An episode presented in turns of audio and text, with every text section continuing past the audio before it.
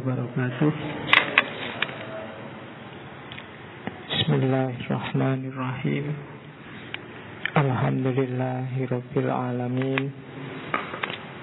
Alhamdulillahi Nahmaduhu wa nasta'inuhu wa nasta'ufiruh. Wa na'udhu billahi min syururi anfusina Wa min sayyati a'malina Mayahdihillah falamudillalah Wa mayudlilhu falahadiyalah Ashadu an la illallah wahdahu la syarikalah anna muhammadan abduhu wa rasuluh. Allahumma salli ala habibina wa Sayyidina maulana muhammad Wa ala wa ashabihi wa manit taba'ahidah Amma ba'du. Bismillah Mari kita lanjutkan ngaji kita Malam hari ini Di bulan Mei Yang pertama. Seperti janji saya minggu lalu Bulan ini kita ketemu para martir. Martir itu Bahasa Arabnya para syahid. Cuma akan kita pilih para martir yang berkorban untuk dunia ilmu dan filsafat. Dan seperti janji saya minggu lalu juga nanti kita ambil empat orang tokoh yang Kebetulan saya ingat dan saya sebut minggu lalu. Kriterianya apa ya tidak tahu. Pokoknya saya lingku. Malam ini kita ketemu Socrates. Minggu depan kita ke dunia Islam Ketemu Abu Mansur Al-Hallaj. Minggu depannya lagi Kita ke barat. Sebenarnya Islam juga cuma tinggal di Amerika kontemporer Tokoh yang terkenal dengan gagasan islamisasi ilmunya. Tapi kemudian karena konspirasi tertentu Kemudian beliau tewas terbunuh Satu keluarga Ismail Faruqi. Dan yang terakhir minggu keempat Tadi yang katanya mau bancaan tiga tahun itu Saya tidak tahu kayak gimana. Tapi tema hari itu adalah tema terakhir Kita ke Indonesia Ke Jawa. Kita akan ketemu dengan Syekh Siti Jenar Jadi itulah empat tokoh yang akan kita bahas bulan ini untuk memperingati kesahitan mereka semua dalam memperjuangkan ilmu dan keyakinannya. Mantap gitu eh. Gitu eh. Oke. Bismillah ya. Malam ini kita ketemu mbahnya filosof Socrates. Tokoh yang gara-gara dia nanti filsafat punya tempat penting dalam peradaban manusia. Jadi Socrates ini pengaruhnya sangat luar biasa. Kalau di bahasa Islam, seandainya bukan nabi, maka dia seorang mujadid, pembaharu besar. Dan beberapa peneliti menganggap dia makomnya kayak nabi. Dan boleh-boleh saja kamu menganggap dia nabi Karena kemungkinan ke sana ada.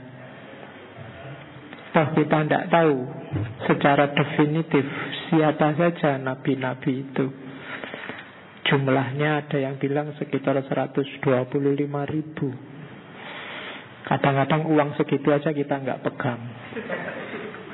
Itu jumlahnya nabi sebanyak itu dan kita hanya diwajibkan kenal 25 Itu pun Jazirah Arab dan sekitarnya. Sebagian besar dari Palestina, Israel sekarang.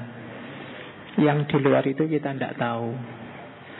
Kalau dilihat dari tahunnya, Sokrates ini muncul sekitar tahun berapa itu saya tulis? 469 399 kalau dijajar sama nabi-nabi Islam ini pasca Nabi Yunus. Nabi Yunus itu, jadi nabi-nabi itu jarak tahunnya beberapa agak pendek kecuali dari Nabi Yunus ke Nabi Zakaria. Dari Nabi, Nabi Yunus itu meninggal sekitar 700 50 tahun sebelum Masehi baru muncul Nabi Zakaria itu sekitar 100 sebelum Masehi. Berarti antara Nabi Yunus sama Nabi Zakaria itu di situ ada Nabi Sokrates.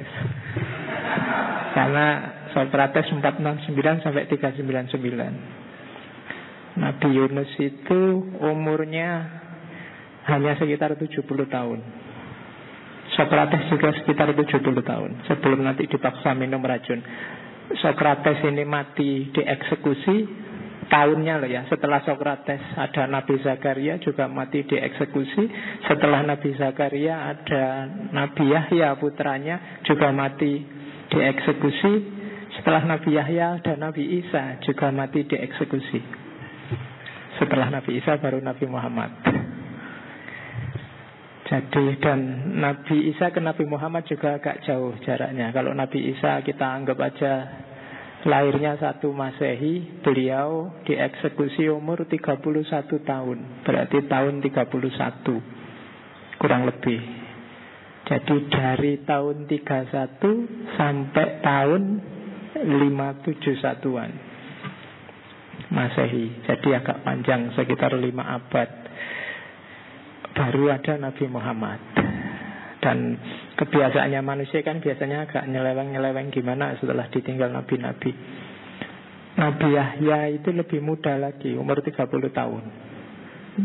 Belum sempat menikah. Kalau Nabi Isa ada yang bilang sempat nikah, ada yang belum. Kalau Nabi Zakaria ya dia punya anak Nabi Yahya, mestinya ya nikah. Oke, itu kisah nabi-nabi. Saya tidak tahu kalian ngerti kan dulu gurumu masuk nggak cerita yang gini-gini.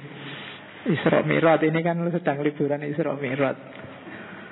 Nabi Muhammad itu nggak tahu ya di tujuh langit itu dia nggak ketemu Nabi Sokrates. Kalau Nabi Isa ketemu.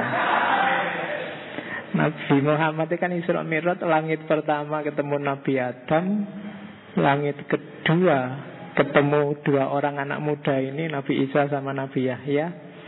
Langit ketiga ketemu Nabi Yusuf manusia paling cakep. Langit keempat ketemu manusia paling pinter Nabi Idris. Setelah itu langit kelima ketemu manusia yang paling pinter retorika Nabi Harun. Setelah Nabi Harun ketemu manusia yang tegas Nabi Musa di langit ke-6 Di langit ke-7 Ketemu bapaknya umat manusia Para nabi. Di Baitul Makmur Ketemu Nabi Ibrahim. Itu bagi yang pinter silahkan dikaji. Langit itu kan jangan digambarkan langit yang ada atmosfer dan kawan-kawan. Itu semacam simbolisme evolusi spiritual yang diawali dari tanah Nabi Adam naik kelas jadi Nabi Isa dan Nabi Yahya naik kelas di level selanjutnya ada Nabi Yusuf di level keempat level kecerdasan intelektual diwakili oleh Nabi Idris dan seterusnya. Kapan-kapan kita belajar yang gitu-gitu. Kalian belum nyampe. Ya. Oke malam ini kita ambil Sokrates Tokoh besar filsafat yang Karena kalian tahunya hari ini Bayanganmu dia tokoh agung yang luar biasa. Seandainya kalian dulu hidup Zaman Sokrates ada di Athena Ketemu Sokrates Mungkin bu anggap orang gila pinggir jalan. Karena Sokrates itu Jelek Ya meskipun jelek-jeleknya orang Eropa ya lumayan gagah dibandingkan kalian. Ya. Ada buku bagus yang nulis dokter mungkin sekarang ya dari Malaysia dulu pernah kuliah di Unibrau Malang. Dia nulis bahwa Sokrates ini Lukman Hakim di Al-Quran. Saya lupa namanya. Kalau nggak salah ada Alexander. Mungkin Muhammad Alexander kalau nggak salah.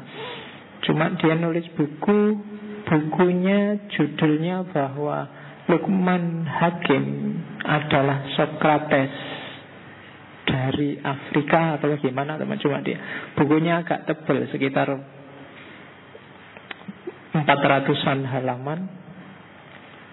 Kalau yang ingin baca mungkin susah dicari di toko buku. Kalian beli aja lewat Google Play Play Store bukunya bisa kamu beli sekitar 70-an ribu harganya. Tidak free. Jadi kalau free kan tak download kan kamu gratis. Cuma bayar jadi ambil sendiri-sendiri di Google Play yang tertarik. Jadi ada beberapa argumen yang dia bilang kenapa kok yang dimaksud Al-Quran Luqman Hakim itu Sokrates Yang jelas pertama dari gelar hakimnya yang saya ingat argumennya antara lain itu. Yang kedua Lukman. Lukman itu bukan nama orang tapi gelar. Lukman itu dari bahasa Arab lakoma yalkomu. Yang kalau dalam bahasa Arab artinya menelan. Lukman itu artinya tertelan. Apa? Nek bahasa Jawa ini keleleken. Nah, itu Lukman. Ada yang namanya Lukman di sini. Nah, Lukman artinya keleleken. Jadi orang keleleken yang bijaksana. Kenapa disebut yang tertelan keleleken? Karena Sokrates dihukum mati dengan cara dipaksa menelan racun. Jadi maka dan beberapa argumen lain, beberapa bukti termasuk termasuk fisiknya jadi beberapa musafir menggambarkan kayak gini Lukman dan terus dia komparasi sama ilustrasi di banyak referensi barat termasuk buku-bukunya Plato tentang kayak gini loh Socrates itu dan dia gaduk-gadukkan. Ya lumayan gaduk. Bagi yang suka silahkan diteliti, dikaji. Ya ada yang bantah pastilah, tidak apa-apa di dunia ini kan bantah membantah itu biasa. Yang penting kamu ada gambaran. Ya mungkin ya, mungkin enggak. Yang jelas memang yang dilakukan Sokrates itu sangat mirip dengan yang dilakukan oleh para nabi. Nanti di bagian belakang tak sebut tak kutip beberapa dari apologia itu untuk menunjukkan bahwa sebenarnya dia merasa utusan Tuhan. Terus orangnya itu digambar itu itu gambar yang sangat terkenal yang gambar seniman Perancis. Jackie Louis David.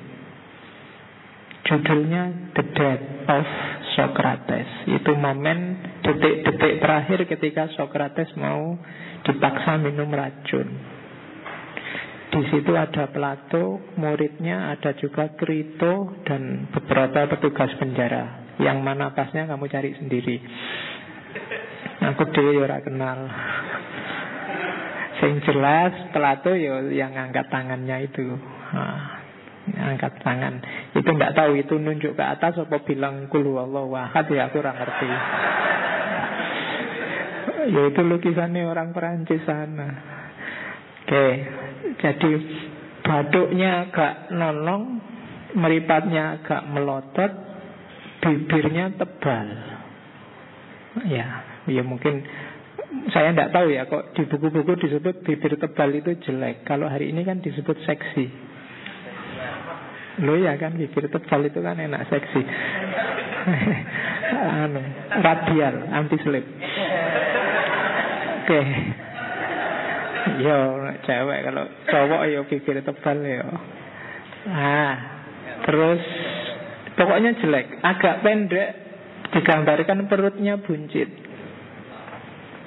Kerjaannya tiap hari jalan-jalan Ngajak ngobrol orang Ngajak diskusi Kalau hari ini kamu menyebutnya ngajak debat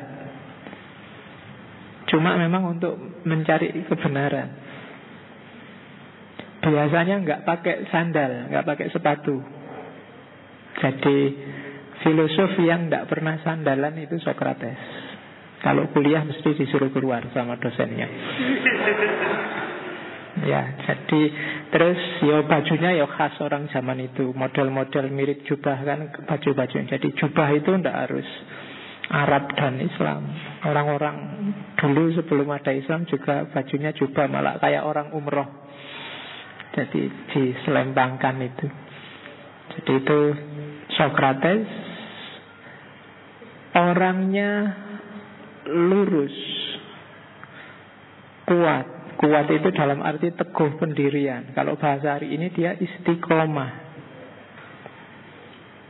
Terus usil. Kerjaannya tiap hari jalan-jalan, kadang-kadang ke pasar-pasar itu. Cuma kalau ke pasar-pasar kayak kalian ke mall sekarang, cuma lihat-lihat.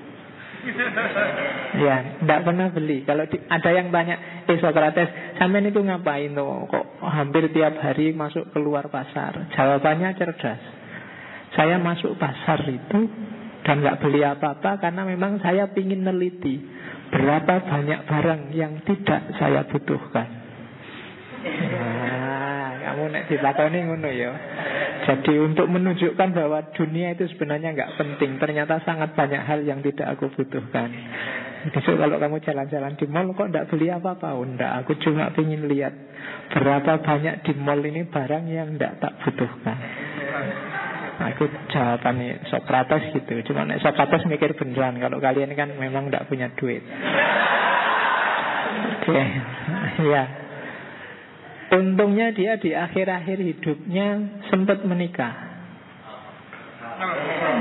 Ya, alhamdulillah. Cuma nggak kebetulan dapat istri cerewetnya luar biasa.